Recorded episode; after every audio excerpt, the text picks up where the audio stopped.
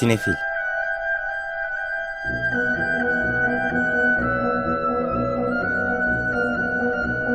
Hazırlayan ve sunanlar Melis Behlil ve Yeşim Burul.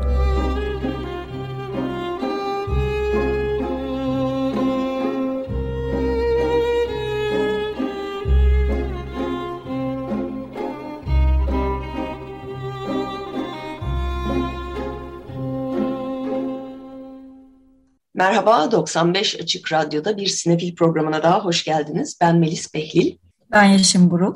bu hafta, evet, bu hafta bir de konuğumuz var. Emre Erdoğdu bizimle. Ee, normalde yaptığımızdan biraz farklı olarak geçen hafta e, gösterime giren bir filmin Beni Sevenler listesinin yönetmenini ağırlıyoruz bu hafta. Hoş geldin Emre. Hoş bulduk. Selamlar. Evet, vizyon da hayırlı olsun diyelim bu arada. Ee, taze çok, taze. Çok mutlu olduk biz de pandemi falan birazcık korkuttu tabii vizyona giremiyor muyuz, sinemalar yok mu oluyor falan filan diye e, çeşitli paranoyalara kapıldık ama sonunda e, vizyona girmeyi başardık. Evet, ilk haftasında şu anda vizyonda. Biz zaten Sinefil'de onu özellikle belirtmeye çalışıyoruz. Ee, ilk ya da ikinci hafta içerisinde hemen gidip izlemek gerekiyor. Özellikle yerli bağımsız filmleri. E, bu da daha çok filmimizin sinemada yer almaya devam edebilmesi için de e, çok önemli. E, onu da hemen not düşmüş olarak sohbetimize devam edelim. Geçtiğimiz senenin ödüllerini toplayarak gelen bir film oldu. Beni Sevenler Listesi. E, Tallinn'de değil mi ilk açılışını yaptı? Yok ilk önce İstanbul Film Festivali sonra Tallinn. Sonra Tallinn. Ve İstanbul Film Festivali'nde de o akşamı çok net hatırlıyorum. Ee, bahçedeki ödül töreninde. Ee, çok ben e, hatırlamıyorum. keyifli bir e, kutlama oldu. E, şeydi yani e, festivalin büyük ödülünü e, kaptınız e, şey olarak. Evet, evet. Beni sevenler listesi e, o, o zamandan beri de bekliyoruz aslında izleyebilmek için açıkçası. Güzel oldu geç de olsa. Ardından Tallinn'de gösterildiğinde de en iyi sinematografi ödülünü kaptı oradan. İstanbul'da ee, da en iyi erkek oyuncuyu almıştı. Halil'in de hemen şey yapmayayım. Kendisinin hayranıyım da. evet zaten filmi e, alıp götüren karakter merkezindeki Yılmaz'ı canlandırıyor Halil Babür. Yılmaz Cihangir'in aranan, sevilen e, uyuşturucu sağlayıcısı diyelim.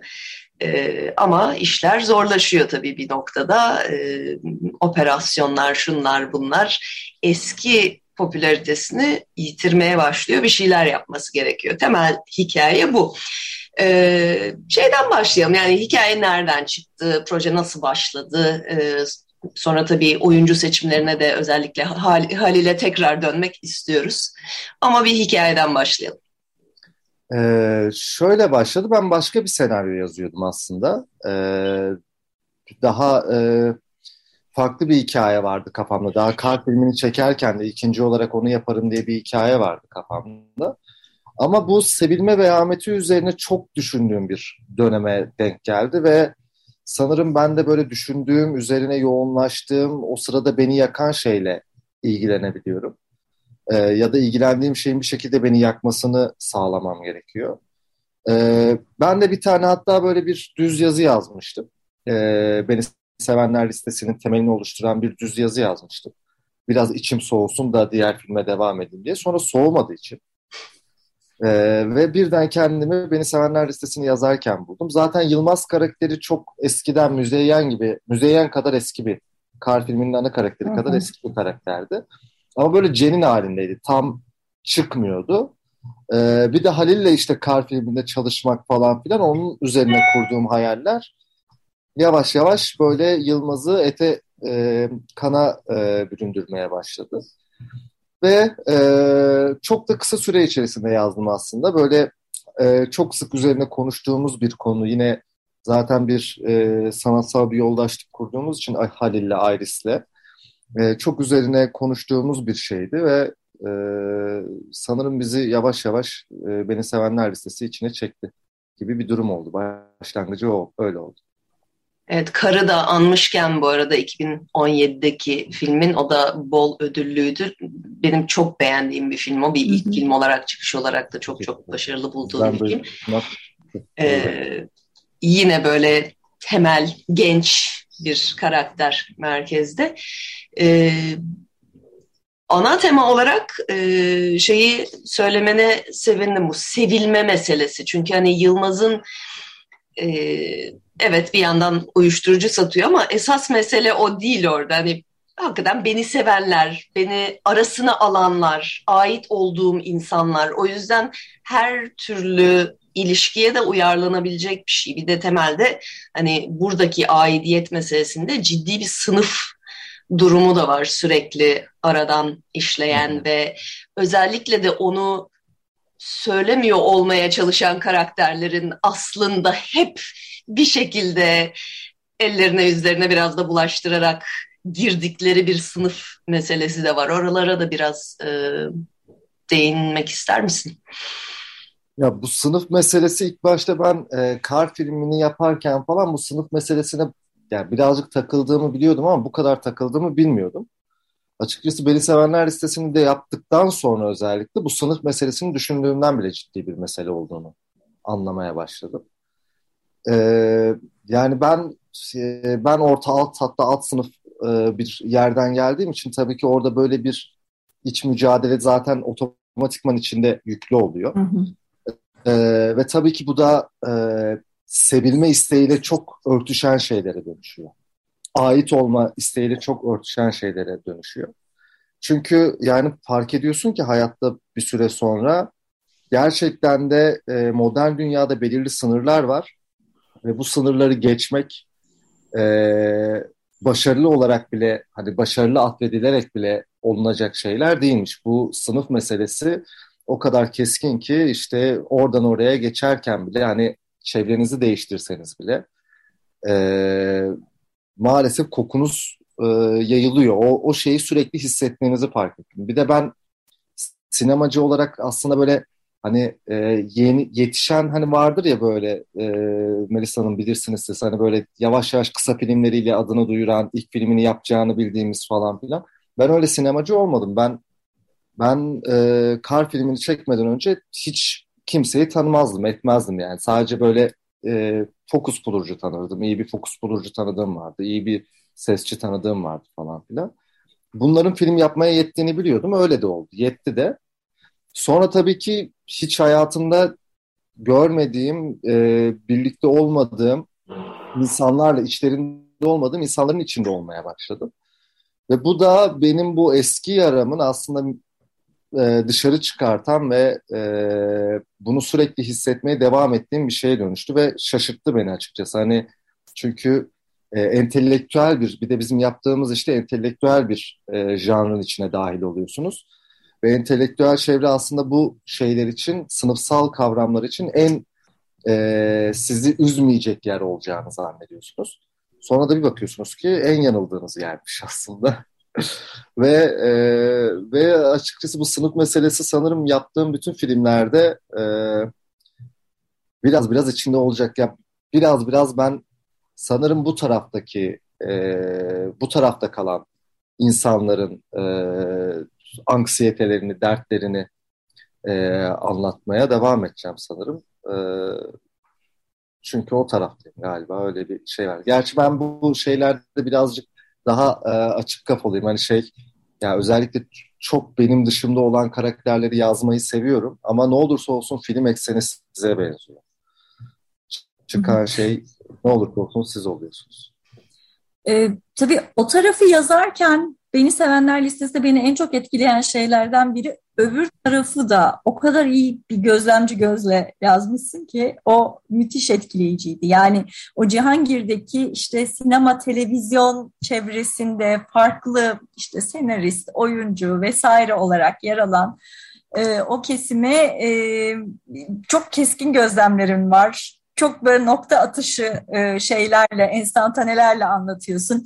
O diyaloglardaki, o repliklerdeki o minik bitirişler bile o kadar sahici ve şey ki e, aslında çok fazla konuşmadan o sınıf ayrımını anlatıyorsun bir taraftan. Hani sınıflar üzerine bir film ama sadece sınıflar üzerine de değil. E, ve de e, hakikaten çok sıkı e, eleştirel bir gözle bakıyorsun. Ben orada hiç böyle elini hafif e, tutmamış olman hani çok hoşuma gitti bir taraftan onu söylemek istiyorum. E, hani sektöre bence o açıdan çok çıplaklığıyla gösteriyorsun. Hani o faydacı ilişkiler ağı üzerine kurulu e, yapıyı çok güzel ifşa ediyor. Bunu yaparken de bir takım başka sinematografik tercihlerim var tabii. Onlara nasıl karar verdin yol boyunca, onlar nasıl oturdu onu merak ediyorum. Film siyah beyaz her şeyden önce. E, siyah beyaz yapmaya nasıl karar verdin? Bir de pandemi döneminde mi çekildi? Çekim koşulları nasıl onu da merak ediyorum. Öncelikle şeyi söylemek istedim. İlk söylediğiniz şeyde e, ben diğer karakterleri de aslında Yılmaz gibi görüyorum. Sadece onları çok anlatamadım. Yani çünkü öyle filmin 90 dakikalık işte bizim film 89 dakikalık bir doğası var. Ve ben bu tarafı Yılmaz'ı anlatmak istedim. Ama aslında filmdeki her karakterin biraz Yılmazlığı var. Aslında filmdeki her karakter birazcık e, Yılmaz'ın sonunda geldiği yerde hayatta kalmaya çalışıyor. Ve hani bu sınıf meselesinde Halil demişti bir kere çok hoşuma gitmişti. İşin ilginç yanı oradaki diğer karakterler de sınıf atlamış değil. Yani aslında hepsinin sınıf problemleri var. Ee, ve Yılmaz onların ötesinde kalıyor. Sinematografik olarak ise şöyle karar verdim. Ya hep başından beri siyah beyaz görüyordum filmi ve ben ilk kararlarımı, ilk e, şeyi böyle e, kafamda oturan şeyi çok severim. Yani onu siyah beyaz görüyorsam e, bunun içgüdüsel olarak bir anlamı olduğunu ve bu anlamı yakında anlayacağımı düşünürüm. Hani genelde böyle film dörde üç siyah beyaz olduğunda şey işte e, karakterin e, daralmış halini dörde üçle gösteriyorum. İşte keskin varlığı yok arasındaki keskin halini siyah beyazla gösteriyorum falan şeyleri bana birazcık klişe geliyor artık. E, o yüzden de ben öyle bir yerden değil içgüdüsel bir yerden karar veriyorum. Sonra açıkçası Yılmaz'ın dünyayı neden siyah beyaz görmeye başladığını ve filmin birazcık kendi aurasında, sinematografisinde öteki olmaya olma isteğini tabii ki filmin e, içerisinde anlamaya başladım. Ama karar verme anlarım işte siyah beyaz en başından beri öyleydi ama 4'ü 3 mesela Erkin Koray'ın bir e, TRT klibi vardı 1900 TRT'de çıkan bir e, yayına katılmış işte 1960'larda 70'lerde gibi bir şey. 70'lerde galiba. E, ve o şeyi izliyordum Erkin Koray'ı ve arkadaşım e, karın da yardımcı yönetmeniydi. Arkadaşım yanımda varken şey demişti. Bu Erkin Koray senin e, geçmiş halin gibi bir şey demişti. E, aslında o görselden dolayı demişti. Ve böyle orayı izlerken dördü siyah beyaz o görselden sonra kalktığımdan beri dördü üçü de öyle görmeye başladım. E, birazcık retro şeyi ham ee, o hani aslında 16 milimetre, 8 milimetre amatör sinemacılar için çıkartılan bir şey ya o ham hali benim için Yılmaz'ın e, daha doğasına uygun gibi gelmişti. E, çok da açıkçası cesur mu değil mi diye düşünmüyorum. Çünkü hani böyle şeylerde yani beni sevenler listesi ya Yılmaz'ın hikayesini anlatıyorsanız artık korkak olmanıza gerek kalan hiçbir şey olmuyor. Yani Yılmaz'ın hikayesi o. Yılmaz'ın hikayesi Türkiye'de hep e, kenarda kalacak bir hikayedir. O zaman neden dörde üç siyah beyaz olmasın ki? O zaman neden e, filmin ara sahnesinde aslında içinden gelen bir şeyi korkakça davranayım ki? Yani gerek kalmıyor artık e, Yılmaz'ın filmini yapmaya karar verdiğinizde. E, sinematografiye de öyle karar verdim. 16 mm çekmek istedim aslında. Çok istedim. Ben hep 8 mm, 16 mm, 35 çekmek istiyorum. Çünkü o çekim halinin e, şeyi hani oradaki nasıl denir e, ibadet diyeyim hani ona tırnak içinde o çekim e, bir şeyi çekme bir filmi gerçekleştirme ibadetinin en e, derinsel hali gibi geliyor bana 35 milimetre ile 16 milimetre gibi filme çekme halleri ama e, seti başka bir hale dönüştürüyor. Tek sayınız düşüyor. Bunlar çok çok güzel etkilere dönüşüyor. Bir kere o sahnenin tozu e, şeye bulaşıyor, e, o filme bulaşıyor ve o filmin ruhuna işliyor. Ve bunlar çok önemli tabii sinema için ama e, tabii ki modern dünyada bunların da birazcık bizim için çok e, zor olmaya başladığı için 16 mm çekemedim ama çok şükür Emre Tan Yıldız gibi bir görüntü yönetmenim vardı ki dijitali bile e, 16 mm gösterebilmeyi başardık kendi içerimizde. Onunla da öyle hiç teklif eder gibi falan bir şey olmadı. Ben Emre'yi diğer işlerinden, yazı turadan, soğuktan falan çok beğendiğim için takip ediyordum. E, Ailesinin bir kısa filminde işte ya çalışsana Emre'yle bak böyle falan diye Ailes'e göstermiştim. Ailes de bayıldı Emre'nin sinematografisine. Sonra o kısa filmde çalıştık. Sonra biz bir ara Emre ile bir baktık filme çalışıyoruz. Yani hiç ben ona teklif etmişim, o kabul etmiş gibi bir durum yok. Herhalde ödül aldığında fark etti filmle çalıştığını. Burada Iris'i de söyleyelim. Iris Alptekin filmin kurgucusu, Karın da kurgucusu. E, Karla da ödül almıştı. E, aynı zamanda oyuncu. Bizim de sinefil olarak çok sevdiğimiz, beğendiğimiz, çok yönlü, çok yetenekli genç sanatçılardan. E, de küçük bir cameo'su var. Onun da altını çizelim. ne olduğunu söylemeyelim, izlemeniz lazım diyelim. Aris benim e, hem hayatımda hem de yani kariyerimde e, gerçekten de temel taşlarından bir tanesi. Hani e, Aris'le karşılaşmak gerçekten hem sinemaya teşekkür ediyorum Aris'le karşılaştığım için. Sinema için de yaptığım sinema için de Aris'e teşekkür ediyorum. Hem hayatım hem de sinema için e, muhteşem bir birleşim oldu. E, yani kurguyu onun dışında hiç kimseyle yapmak istemem. Benim için psikoloğa gitmek gibi bir şey oluyor gerçekten Iris'te kurgu yapmak e, her kurgu yaptığımızda, her odaya girdiğimizde yenilenmiş ve daha iyi hisseden birisi olarak çıkıyorum sayesinde. Aslında bu beslendiğiniz, birbirinizi beslediğiniz de bir e, sinematik ekosistem de oluşuyor gibi de söyleyebiliriz belki. Hani Iris bir parçasıysa Kardan da gelen filmin başrolü Halil Babür'de zannediyorum. Yavaş o, o da bir e, o sistemin bir parçası olabilir. Halil sanki bu rol için biçilmiş kaftan. Yani o kadar inandırıcı e, her şeyiyle, bakışıyla, duruşuyla, tüm tereddütleri ve kaygıları ile. E, ilk başta Halil'i düşünerek mi yazdın? Hani onu da sorayım oradan nasıl ilerledi? Yani ilk önce bence Halil her rol için biçilmiş bir kaptan. Yani o Halil her rolde şunu hissettiriyor insana. Hazaran'ı oynadığında işte kardayken işte diyorsun ki ya Hazaran gibi çocuk.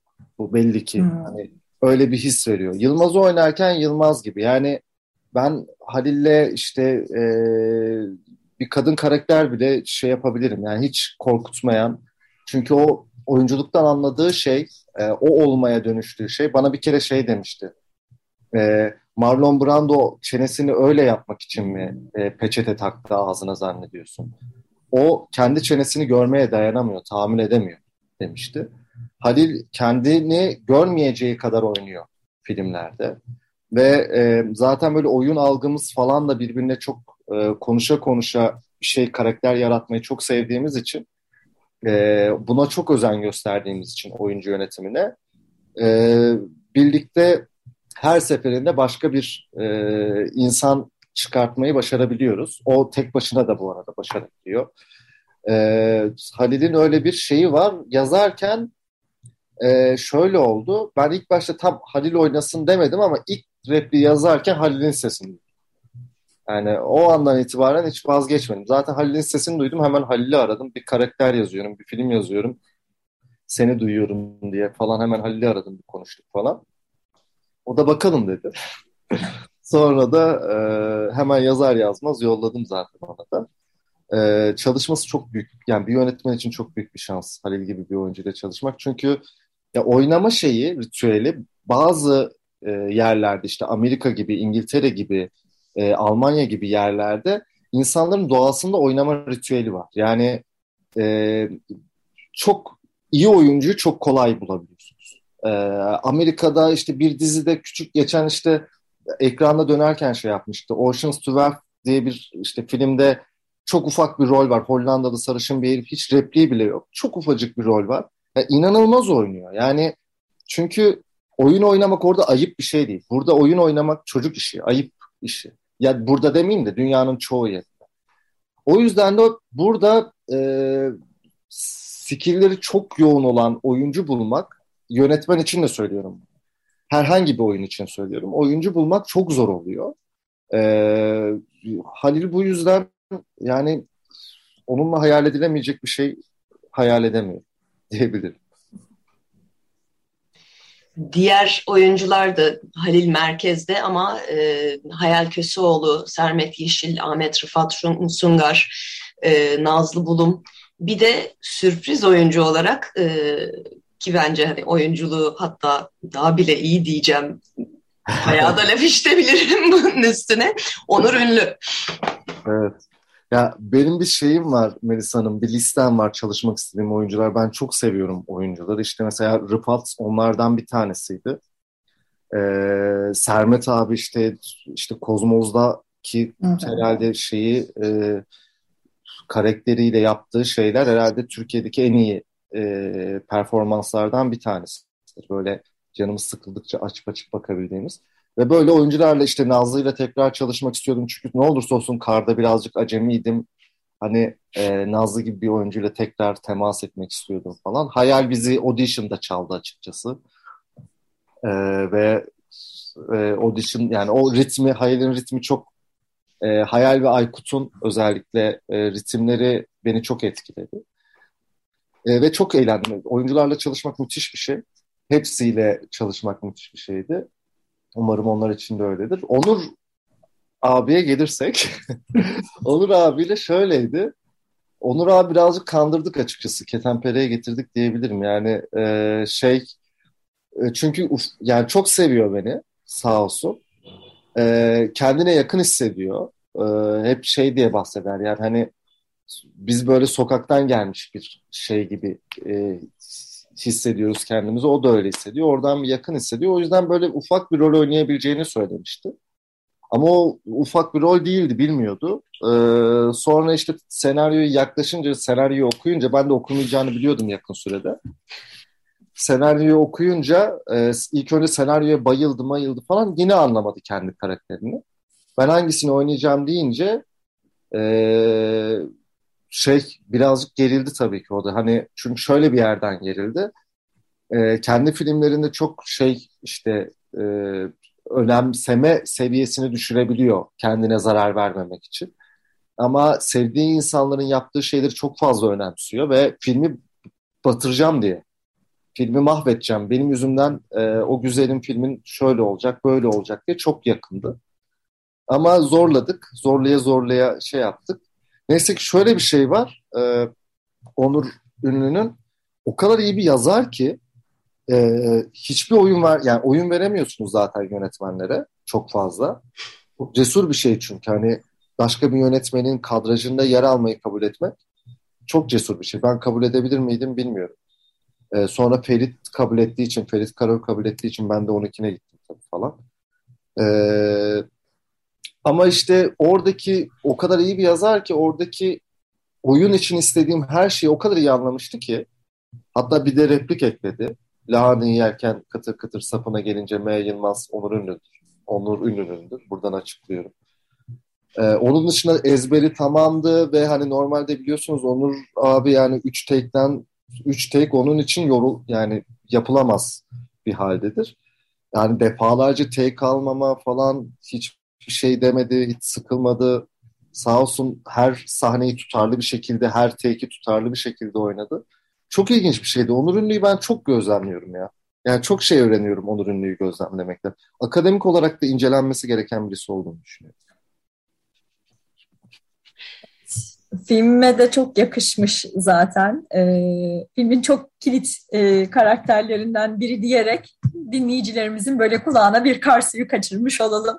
Yani hakikaten filmi tekrar bir sırf onur ünlü sahneleri için de izlemek gerekir. E, yani daha önce de ufak tefek küçük rolleri oluyordu ama e, zannediyorum bu ilk bu anlamda daha büyük rolü diyebiliriz performans açısından. Deli Yürek'te falan oynamıştı. Onun ta Deli Yürek zamanı falan var. Tabii. Ee, filmin bütün atmosferini tamamlayan, alttan alta giden de e, filmin ruhuna çok uygun bir müzik e, çalışması var. E, onu nasıl entegre ettiniz? E, fikir hep öyle miydi? O tonda e, biraz arabesk bir tonda gitmek miydi? Ya aslında fikir buna yakındı ama başka bir fikrim vardı. O fikre ulaşamadım. O fikre ulaşamayınca da beni sevenler listesinde şey demiştik biz birbirimize. Yani e, çünkü ilk filmde şey oluyorsunuz. Bazı şeyleri tolere edebiliyorsunuz. Yani diyorsunuz ki ilk önce kıyıya ulaştırayım da şu filmi. Yani e, çünkü filmin masada kalma korkusu ilk filmde yönetmenin en büyük korkusu oluyor galiba. O yüzden bazı şeyleri çabuk evet diyebiliyorsunuz. Bu sefer dedim ki çabuk evet demeyeceğim.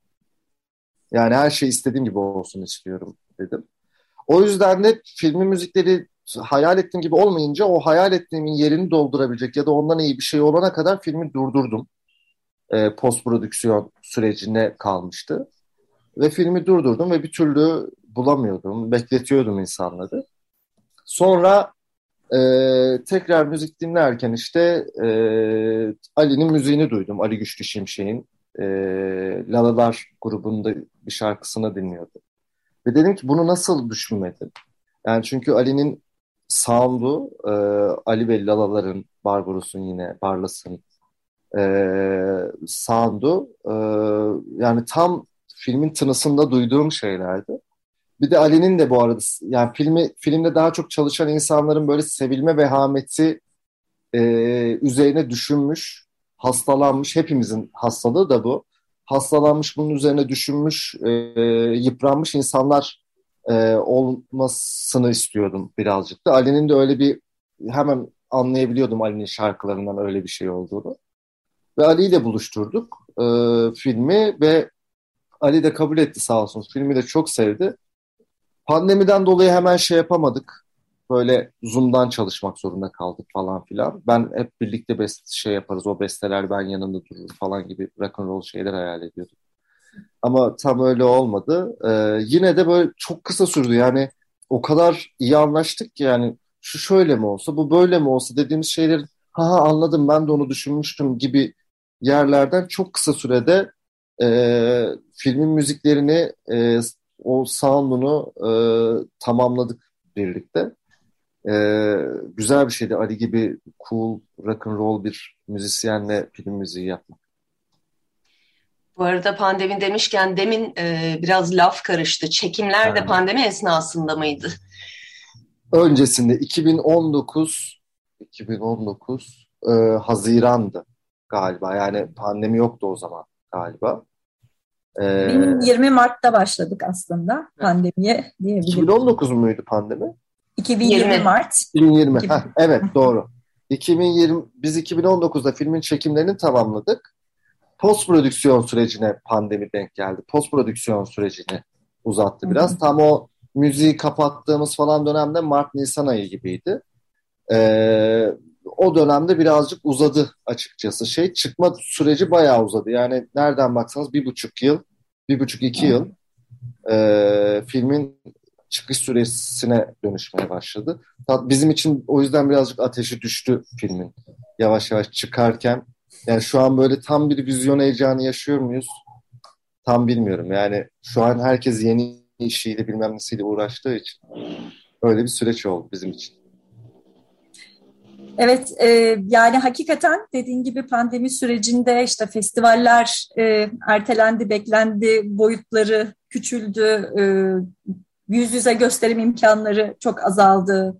Salonlara girmekten korktuk aylarca diyebiliriz. Böyle çok şey dönemsel arada bir, bir film izleyip sonra birkaç ay gidememe, tekrar bir film izleyip gidememe gibi o endişelerle geçerken e, yeniden yeniden sinema salonlarında filmlerle buluşmak tabii e, bizim gibi sinefilleri çok mutlu ediyor diyebilirim. E, bir de bu pandemi döneminde bir açılım daha oldu. İşte yani sinemalara gidemeyip vizyonda izleyemeyince bir süre sonra streaming platformlarında e, bir takım filmler seyircilerle buluşmaya başladı.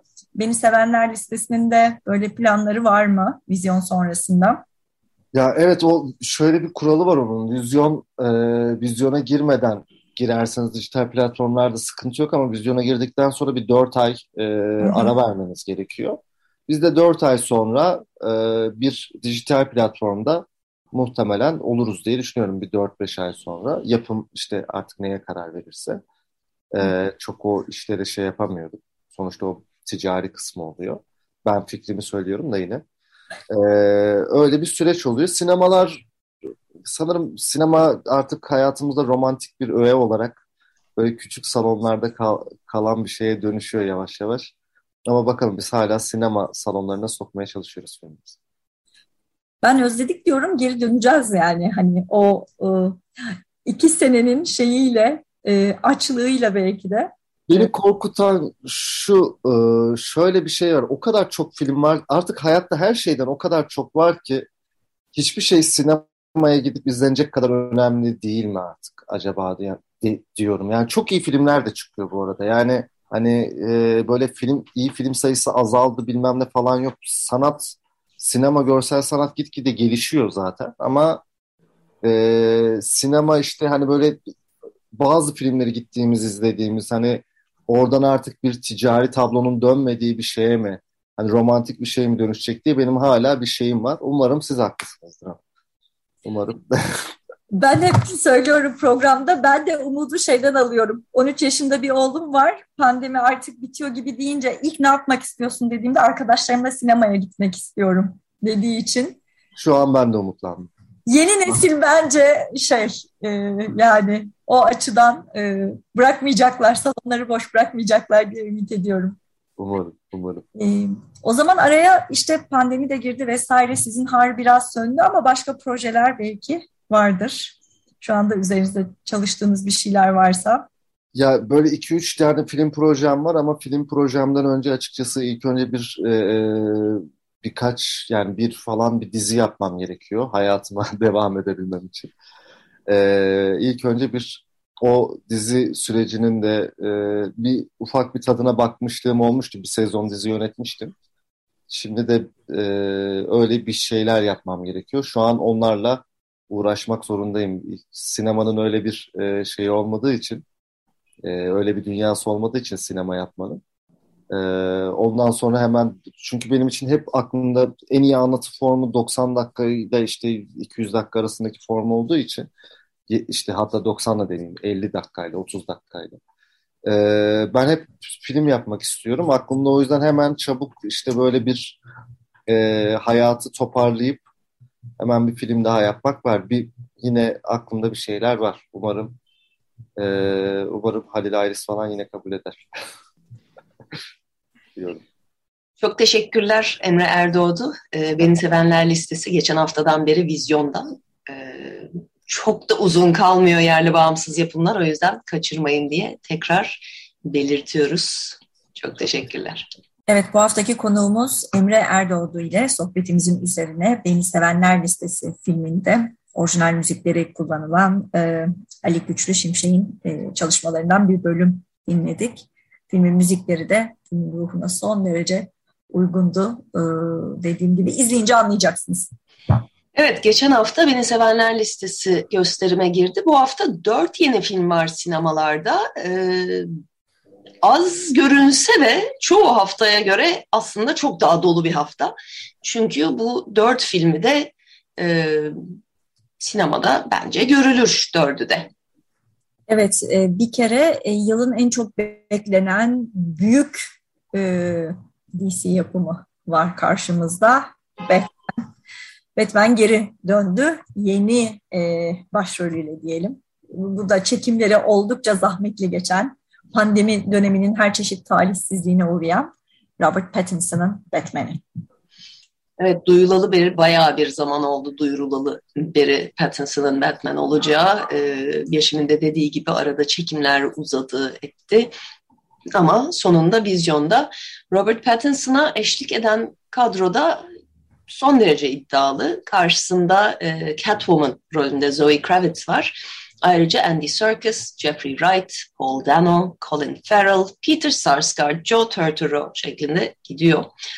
Ee, daha önceki filmlerden ve tabii çizgi romanlardan da bilinen Penguin ve The Riddler karakterleri de burada karşımızda. Ee, Gotham City'de bir dizi e, suikast işleniyor. E, elit politik isimler öldürülmeye başlanıyor ve e, Batman işlerin e, peşine düşüyor. Bir yandan tabii kendi ailesi, kendi travmaları. Çünkü e, DC komikleri yani DC'nin karakterleri, dünyası hep biraz daha karanlıktır Marvel'a göre. E, Batman de en karanlığıdır herhalde. Yani bütün aslında şey hikayesi, bütün süper kahramanlık hikayesi çocukluk travmasından yola çıkan bir karakter çünkü. Bir de kendin aslında bir insan Batman yani e, ne Krypton gezegeninden getirdiği süper güçleri ne de o Marvel dünyasındaki kendine özgü süper güçleri olan tipler yok yani. Çok parası var sadece. İşte bu dünyanın Iron Man'i gibi hani onlar iki tarafın teknoloji kullanıp kendinden süper kahraman yaratan e, insan evlatları. Evet filmin yönetmeni Matt Reeves e, bayağı da iyi eleştiriler alıyor aslında. Birkaç gündür basın gösterimleri yapıldı. E, bütün dünyada birden gösterime giriyor. O yüzden henüz bir yerde başlamış değil. Yani dün bugün başlıyor. E, ve e, biraz Joker'da da olduğu gibi birkaç sene önce standart e, süper kahraman filmi normunun dışında durmaya çalışan bir film ve e, ilham aldığı filmler olarak da yine Joker gibi 70'ler e, Amerikan sinemasını gösteriyor. E, hatta Matt Reeves çalışırken e, arkada e, Taxi Driver'ın Bernard Herrmann imzalı müziklerini sürekli dinlediğini söylemiş bir yerde. O dönemin işte Taxi Driver'lar, French Connection'lar, e, Chinatown böyle biraz noir e, esintili, biraz işte Gotham City'de zaten hani New York'un o e, 70'lerdeki e, biraz çöküş dönemini e, hatırlatan bir yerde olduğu için hele Joker'da da öyleydi. E, o filmleri sevenlere de hitap edebilecek bir hali var gibi görünüyor. Evet, e, yani bir de uzun süredir şey özleyenler için de önemli. Böyle büyük perdede bol aksiyonlu süper kahraman filmi izlemek için de e, onu da özledik diyelim. E, bu bir alternatif.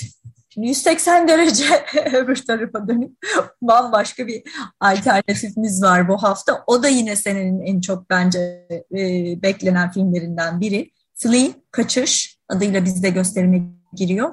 Bu yılın en çok konuşulan animasyonu, belgeseli ve yabancı filmi hani bu üç niteliği e, tek vücutta toparlayan işi diyebiliriz. Ve bu üç dalda Oscar adayı, bu da tarihte bir. Üçüne birden zaten kalifiye olan ilk filmdi. Üçünde de adaylık aldı. Jonas Boher Rasmussen'in e, belgeseli kendi e, lise arkadaşı hatta ortaokul arkadaşıyla e, yaptığı konuşmalardan yola çıkıyor. Afgan göçmeni bir genç o arkadaşı geldiğinde de çok bir şey bilmiyorlar hakkında. Tek başına gelmiş, e, ailesi yok ve Danimarka'da e, var olmaya çalışan genç bir Afgan. Ee, ve onunla geçmişini konuşmaya başlıyor Rasmussen. Hatta önce bunu radyo için yapmayı düşünmüş. Çünkü bir ara radyo prodüksiyonları da yapıyormuş.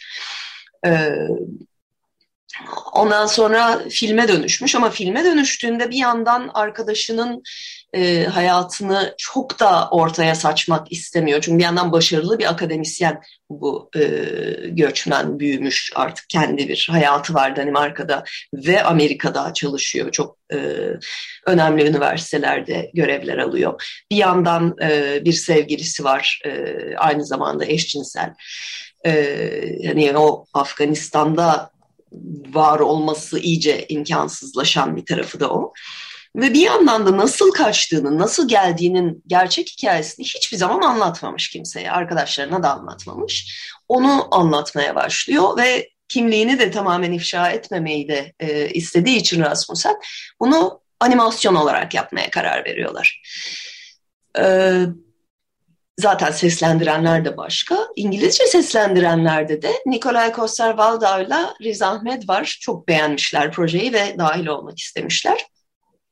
Bu arada Rasmussen'in bir önceki filmini de ben tesadüfen görmüştüm birkaç sene önce. E, Danimarka'da bir e, e, çok tanınmış bir tiyatro yönetmeni aynı zamanda partnerini öldürmüş bir karakter üzerineydi. O da çok etkileyiciydi. Yani bu karakter portreleri konusunda zaten Rasmussen çok yetenekli ve burada hani o animasyonuna gelmesiyle ve farklı animasyon stilleri birbirine karışıyor. İşin içinde Afganistan var, arada geçtiği bir Rusya bölümü var, e, Danimarka kısmı var. E, son derece etkileyici bir şekilde yapılmış ve e, Yeşim'in de dediği gibi bu senenin en konuşulan filmlerinden biri oldu Sundance'de premierini yaptığından beri. Orada dünya filmleri bölümünde en iyi belgesel ödülünü aldı. ANSI dünyanın en önemli e, animasyon festivalinde en iyi filmi aldı. Animasyon ödüllerinde en ileride film, yönetmen, senaryo ve kurgu olarak dört adaylığı var. Oscar adaylıklarını zaten saydık. E, hakikaten çok istisnai e, ve görmeye değer bir film. Flea Kaçış. Evet bu hafta bir de e, yerli yapımlar arasında e, iki farklı şey e, kanat damardan e, film var diyebiliriz. Biri hakikaten büyük bütçeli çok salonda gösterime girecek olan bir biyopik, e, biyografik film Bergen.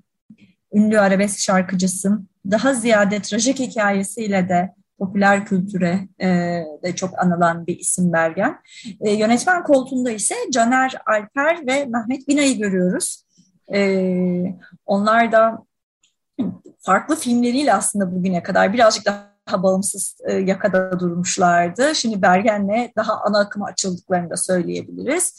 E, Bergen'i ise e, Farah Zeynep Abdullah canlandırıyor. Ona başrollerde Erdal Beşikçioğlu, Tilbe Saran ve Ali Seçkiner Arıcı, Alıcı eşlik ediyorlar. Evet, 80'lerdeki e, daha doğrusu 70'lerden başlayarak, çocukluğundan başlayarak e, eğitimiyle kariyeri arasında kalan e, ve şarkıcı olarak yoluna devam ederken bir yandan da kendine gayet e, tehlikeli bir ilişkinin içinde, bir evliliğin içinde bulan Bergen zaten acıların kadını olarak da tanınırdı 80'lerde. E, yüzüne atılan kezzapı e, hatırlar o dönemden e, yaşı yeten dinleyicilerimiz diyelim. Ardından da zaten çok geç yaşta kocası tarafından öldürüldü. Bir yandan da hani günümüzdeki bu kadına karşı şiddete de e, hani bunun yeni bir şey olmadığı, e, her türlü çevrede ve tanınmış insanların başına da gelir şekilde Türkiye'de e, mevcut olduğunu da hatırlatan bir film bir yandan bize. Evet yani o açıdan önemli. Göz göre göre gelen cinayetlerden biriydi Bergen'inki. Ee, ama benim anladığım kadarıyla biz henüz ikimizin de filmi izleme imkanımız olmadı e, Bergen'i kurbanlaştırmaktan ziyade o müzisyen ve sanatçı kimliğiyle e, bir, bir kahramana dönüştürüyor film. E, onun e, o kariyerini elde etmek için verdiği mücadeleyi de güzel ve o e, her şeye rağmen ayakta duran, mücadele eden ve kendini müziğiyle ifade eden e, kadın e, portresi olarak karşımıza çıkıyor. Biz de bugün programımızın sonunda Bergen'den bir şarkıyla veda edeceğiz sizlere. Evet son olarak haftanın dördüncü filmi de çok ilginç. Ee, o da bir yerli yapım ve bir belgesel. Yaramaz Çocuklar. Ahmet Necdet Çupur e, yönetmiş ve kendi ailesinin hikayesini anlatıyor. E, İki kardeş e, Zeynep ve abisi Mahmut. Zeynep üniversitede okumak istiyor. E, bunun için bir takım adımlar da atmış. E, Mahmut ise görücü usulü evlendirildiği eşinden ayrılmak istiyor. Ama aile çok muhafazakar ve bu iki şey de kabul edilebilir durumlar değil aile için. Ama bir yandan bu ailede zaten daha önce bir isyankar çıkmış ve aileyi bırakıp eğitimine e, yurt dışına gitmiş abileri Ahmet Necdet Çupur da zaten geri dönüp bütün bu süreci filme alıyor. E, geçtiğimiz senenin e, o da dikkat çeken yapımlarından biri oldu e, Neon'da önce gösterildi Avrupa'nın en önemli e, belgesel festivallerinden. Orada jüri ödülünü aldı. Sarajevo Film Festivali'nde insan hakları ödülünü aldı. Adana'da en iyi kurgu ödülünü aldı. E, hakikaten çok içinden bir hikaye, çok bir yandan şahsi bir hikaye. E, bu da haftanın e, yine dediğimiz gibi hani dört film, dördü de çok farklı, dördü de görülmeye değer e, artık vaktinize, keyfinize göre e, bu tip küçük bağımsız yerli yapımların çok da vizyonda kalamadığını da hatırlayarak e, yaramaz çocuklarda bu haftanın kare as diyeceğim artık. Böyle bir vizyon bayağıdır görmemiştik. Az ama öz e, tamamlayan film yaramaz çocuklar oluyor. Evet, bu hafta boş yok e, o açıdan. E, dediğimiz gibi sinemaya gitmek için şahane bir hafta. Geçen haftadan kalan Beni Sevenler listesinde buraya ekleyelim. Böyle beşli bir alternatif, alternatifimiz var. E, geçtiğimiz hafta içerisinde aynı zamanda Oscar'lara giden yolda önemli işaretlerden, indikatörlerden biri sayılan Oyuncular Birliği ödülleri dağıtıldı. Screen Actors Guild Awards geçtiğimiz hafta sahiplerini buldu. Ee, hızlıca bir onlara da göz atmak istiyoruz sizin için. Evet, bazı ödüller giderek netleşmeye başladı. Ee, tahmin sitelerinde e, böyle bir e, bahis sitelerinde bazılarının şeyleri düşmeye başlıyor bence. Kesinleşmeye başlayanların. Dört, dörtte üçü kesinleşti diyebilir miyiz oyuncu ödülleri? Ee, galiba yani şimdi en kesinden belki başlayalım. Bence en kesini zaten söylüyorduk onu yardımcı kadın. O da West Side Story'deki Anita rolüyle Ariana DeBose. E, o kesinleşti. Bence ikinci en kesin e, alanda e, Will Smith, King Richard'daki e, rolüyle diye düşünüyorum. O da evet. ben kesin. Bir de hep de şeyi söyleriz yani bu ödül törenlerinde yaptıkları konuşmalar nasıl kendilerini sundukları vesaire de Oscar'ların oyları verilirken etkili oluyor diye. İkisi de gayet etkileyici konuşmalar yapmışlar. Ee, tabii altın küreler olmadığı için bu sene şimdi başlamış oluyor konuşma şey, çevreleri. Bir kısmı BAFTA'da aday değil ama e, yine de e, Will Smith'le Ariana DeBose çok net gidiyorlar Oscar'a doğru. Yardımcı erkek oyuncu da böyle giderek acaba Cody Smith McPhee mi e, Power of the Dog ile yoksa Koda ile Troy Kotsur mu konuşulup duruluyordu ama Troy Kotsur'a doğru ibre dönmeye başladı gibi görünüyor. Evet, SAG ödülünü alması da önemli bir başarı, e, önemli bir gösterge. E, bence en büyük sürpriz şey de geldi, en iyi kadın oyuncu kategorisinde. E, ve The Eyes of Tammy Faye ile e, neredeyse tanınmaz halde olan Jessica Chastain'e gitti ödül. Evet yani Oscar'da da şansı var çünkü e, kadın oyuncu hani birkaç defadır aday oluyor, seviliyor. Ee, diğer dallarda adaylığı olmayan bir film ama kadın oyuncu da bunu sık sık görüyoruz. Üstelik gerçek bir karakteri e, canlandırdığı zaman e, daha da sık görüyoruz. E, orası karışık yani sergilerde çünkü Kristen Stewart aday değildi. Oscar'larda ne olacak? Hala en belirsiz kategori sanırım bu sene kadın oyuncu olmaya devam ediyor.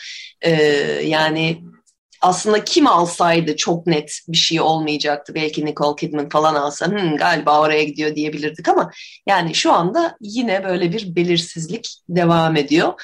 Ee, daha da belirsizlik Lady Gaga alsaydı olurdu olmadı. Çünkü o aday evet. Oscar'larda. aslında SAG ödüllerinin en iyi filme karşılık gelen kategorisi de Outstanding Performance by a Cast in a Motion Picture ödülü. O da oyuncu kadrosuna verilen ödül. Orada da ben biraz şaşırdım. Koda'ya gitti çünkü. Yani bağımsız küçük yapımı seçtiler bu sefer. Evet ama orada da en iyi filmin Oscar'lardaki en güçlü adayı The Power of the Dog aday değildi. Yani birkaç senedir biraz daha ayrışıyor SAG ödülleriyle Oscar'lar. Eskiden daha bir örtüşürdü. Bunu görünce herhalde öyle gidiyor diyebilirdik ama birkaç yıldır biraz daha belirsiz. Ee, filmler genel olarak böyle dizilerde e, şeyi anmak lazım. Squid Game'in başarısı inanılmaz bir şekilde hani bütün o Succession adaylıklarına rağmen erkek oyuncuda 5 adayın 3'ü Succession'dandı. Ve onların arasından Squid Game'den Lee Jong-jae e, sıyrıldı. E, kadın oyuncuda da e, Jung Ho-yeon aldı e, Squid Game'le ve ilk defa böyle bir şey oluyor. Bir Netflix'in yabancı bir dizisiyle SAG ödülü almak e, hakikaten büyük sürpriz. İşte orada kaptırdığı ödülleri de Outstanding Performance by an Ensemble e, ödülüyle yani kadro olarak oyuncu kadrosuyla Succession aldı götürdü diyebiliriz. Evet komedilerde de Ted Lasso seviliyor SERG tarafından onu gördük. Şaşırtıcı değil tabii. E, hem komedi olarak hem erkek oyuncu olarak. Ee, şeyde de e, kadın oyuncuyu da Hacks ile Jean Smart'ın almasına çok sevindiğimin altını çizmek istiyorum tekrar. Bu sene iki komedi favorim biri Hacks biri de Ted Lasso'ydu zaten. Kardeş payı yapıp paylaştılar ödülleri. Evet programımızın sonuna da geldik. Ee, Bergen ile veda edeceğiz size. Evet. Bergen'in unutulmaz şarkılarından Sen Affetsen Ben Affetmemi dinleyeceğiz e, şimdi. Bu hafta e, vizyonda Bergen'i Farah Zeynep Abdullah canlandırıyor ve filmdeki şarkıları da o söylüyor. Film vizyona girdikten sonra da bir albümde çıkacak. Evet, Teknik Masa'daki arkadaşımıza ve bu haftaki destekçimize de çok teşekkür ediyoruz. Herkese iyi seyirler. İyi hafta sonları.